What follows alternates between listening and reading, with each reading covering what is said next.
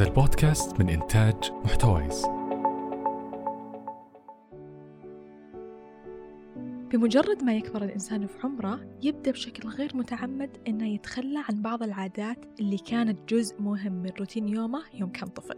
مثل خياله الواسع، سرعة النسيان وحريته المطلقة في التعبير عن المشاعر دون أي تشفير. في شيء رابع كمان غيابه مؤثر مرة وهو حبه للعب. وأقصد فيه أي نوع من اللعب مفضل بالنسبة له من ركوب الخيل للفرفيرة لكرة القدم. وأحيانا يقلقني إننا ما نتذكر حاجتنا للعب ننسى الطفل اللي بداخلنا إلا إذا مرت لقطة عابرة بفيديو يخلينا نتحمس أو سالفة تجيب طاري لعبة قديمة أو رياضة معينة زي الدراجات وكيف يمديها تعزز من عافيتنا وطاقتنا. طيب ليش نوقف اللعب إذا كبرنا؟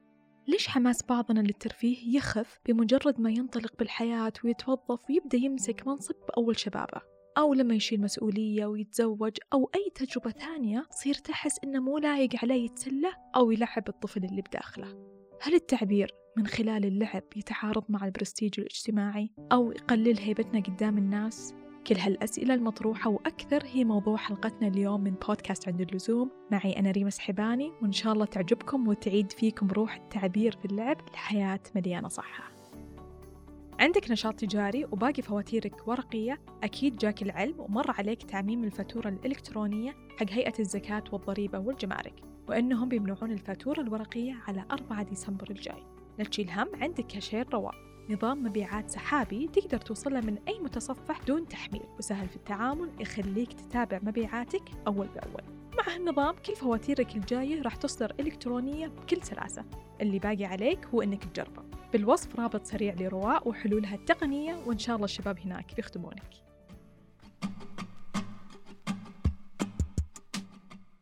في منهج علمي حديث اسمه فن اللعب أو Art of Play. ودوره إنه يشجع الأفراد والعائلات وحتى فرق العمل إنهم يعززون ارتباطهم بذواتهم من خلال تفعيل الجزء المرح والطفولي داخلهم علشان يوصلون للتوازن في الحياة. لمنافع ثانية كمان مثل تقوية العلاقات واستكشاف المواهب. مختصر الكلام أن اللعب مو بس علشان المتعة اللحظية أو حتى بعيدة المدى. مفهومه أكبر ونقدر نقول إنها تجربة جوانب جديدة في الحياة. يعني تحرر ذاتك من قيود ممكن تعطل نموها مثل انعدام الثقة بالذات التقوقع بمنطقة الراحة أو الخوف من التجربة والخجل المحيق. تخيل معي عائلة مكونة من أربعة أشخاص الأب أواخر الثلاثينات من عمره والأم 27 سنة. الطفل الأول عمره سبع سنوات والطفل الثاني عمره أربع سنوات تقريبا. فهنا نشوف ثلاث أجيال بالعائلة يحتاجون أفكار برا الصندوق للتعبير عن نفسهم. أحيانا بشكل غير لفظي بس بالحركات والإيماءات. بس ماذا لو أنهم اختاروا ألعاب مصممة للمجموعات؟ يلعبونها مثلا مرتين بالشهر أيام الويكند بحماس عالي وتنافسية للفوز. متوقع أن حتى الطفل الصغير اللي مو مستوعب في الوقت الحالي جزء كبير من اللعبة أنه يدخل معهم بأجواء اللعب وينبسط على شافة عائلته وهم يمارسون سلوك أشبه بالأشياء اللي يدركها كطفل في مخيلته منافع كثيرة ثانية راح تتجلى من وراء تكرار هالروتين لسنين مثل اكتشاف مواهب أطفالهم من بدري كسر الخجل لو أحدهم خجول. راح يعرفون مصفوفة القيم عند كل واحد وش يحب وش يكره. حتى القدرة على التعبير عن الاهتمامات بتصير أكثر سلاسة لأن في باب انفتح. والمكسب الكبير وهو أهمها هي الشعور بالسعادة والاستمتاع باللحظة والمفعول السحري للضحكة بعفوية. مرة من المرات كنت برشة عمل للكوتش رونالد فريدج وهو متخصص بفن اللعب للراشدين أو ما يعرف Art of Play. كان يقول إن الواحد منا يسترجع طفله اللي بداخله أول ما ينجب طفله الأول كأنه يتعلم على يده كيف يلعب مرة ثانية دون أي حرج وكيف يبسط أفكاره ويشرح الأشياء بذكاء بالضبط مثل ما يتعمد إنه ياخذ وضعية جلوس تخليه قريب من الطفل وعلى اتصال بالعين معه. وقال محتمل جدا أن هالعملية راح تساعده على الانتقال لشخصية منفتحة وأسهل في التواصل مع الجميع. وأعتقد مو ضروري ننتظر هاللحظة عشان نتصالح مع الجانب الطفولي العفوي فينا أو الجزء الأيمن من عقلنا المسؤول عن هذه المهام. والشاهد هنا نشوف الأثر الكبير لنشاط اللعب عليك لو صار جزء من أسلوب حياتك. وأضيف للقائمة إمكانية تعديل السلوك البشري من خلال ممارسة ذلك. سبحان الله كيف أن موضوع الصحة والعافية تشتغل بطريقة تراكمية؟ وكيف أن النتائج المترتبة على عاداتك اليومية سواء كانت إيجابية أو سلبية ما تطلع بسرعة؟ باستثناء إذا في محفز قوي يخليها تطلع أسرع. مثلا بأيام المدرسة كانت تمر علينا أيام ثقيلة ضغوطها كثيرة وفجأة لما يتقرر موعد لرحلة مدرسية كنا نستأنس وعلى طول نطلع من مود لمود ثاني. وعلى قد بساطة ترتيبها كيف كانت تشعرنا بأنه تغيير كبير؟ أنشطة حلوة الكل يبي يخوضها. خلونا نتفق هنا أن للعب تأثير على منحنى النمو على كل الأصعدة النفسية، السلوكية، الاجتماعية والبدنية وحتى الروحانية وهذا هو الهدف الأساسي من أننا نلعب مع بعض ونكون علاقات ممتازة بفضل ذلك وقبل ما أنتقل معكم للفقرة الجاية بعطيكم عوامل تساعدكم تختارون نموذج اللعب الأنسب لكم أول حاجة هل تحب تلعب فردي أو جماعي؟ السؤال الثاني وش تحب تلعب؟ السؤال الثالث مع مين؟ والسؤال الأخير إيش أفضل الأوقات اللي تحب تلعب فيها؟ علشان تثبتها كروتين. تمر فينا مراحل صعبة في حياتنا. نتمنى لو نلقى من يوقف معنا بانحياز بدون ما يحكم أو يلوم بدون ما يبرر ويجامل. يساعدنا على فهم أنفسنا والتعافي من آلامنا وعلى الوصول إلى حلول تعيننا على المضي في الحياة. تطبيق لبيه للاستشارات النفسية دوما معك في رحلة أمل. أكيد متحمسين تاخذون أفكار لتطبيقات ممكن تساعدكم في تبني روتين جديد لتطوير فن اللعب عندكم.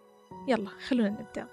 مثلا بالبيت الأمور أسهل من ناحية اختيار نماذج اللعب بشكل يناسب أغلب أعضاء العائلة أكثر من تطبيقات اللعب بالعمل أو مع الأصدقاء.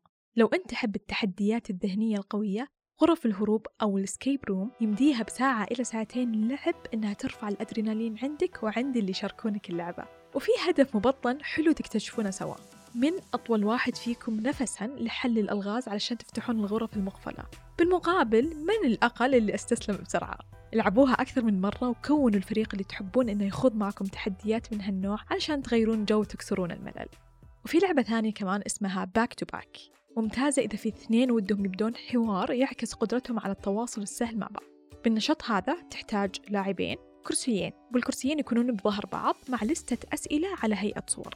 تنجح مع المتزوجين حديثا أب مع ابنته موظفين بقسم واحد من كم سنة. فاللاعب الأول ياخذ سكتش للرسم واللاعب الثاني يعطيه تعليمات شفهية وتلميحات تساعده على تخيل شكل الجواب ورسمه. مدة اللعبة دقيقتين ويتغير مباشرة بعدها الطرف اللي يرسم للي يسأل والنتيجة تحسب بالنقاط. والهدف من هذه اللعبة هي تواصلي بالدرجة الأولى بين أطراف تجمعهم علاقة معينة. وش بعد؟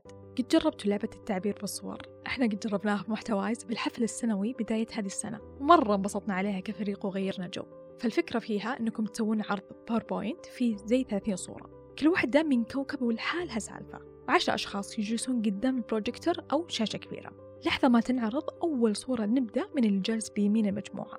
يحط بداية للقصة تكون مستوحاة من الصورة الأولى. بعدها تنعرض الصورة الثانية. ويكمل اللي بعده ثم اللي بعده. لين تكتمل القصة على 30 صورة ما لهم أي علاقة ببعض. أكيد واضح أن للخيال دور كبير هنا في السرد القصصي. بالنسبة للوقت ياخذ من خمسة إلى عشر ثواني لكل مشارك. وأترك لكم المساحة تتخيلون كمية الشطحات اللي ممكن تطلعون فيها.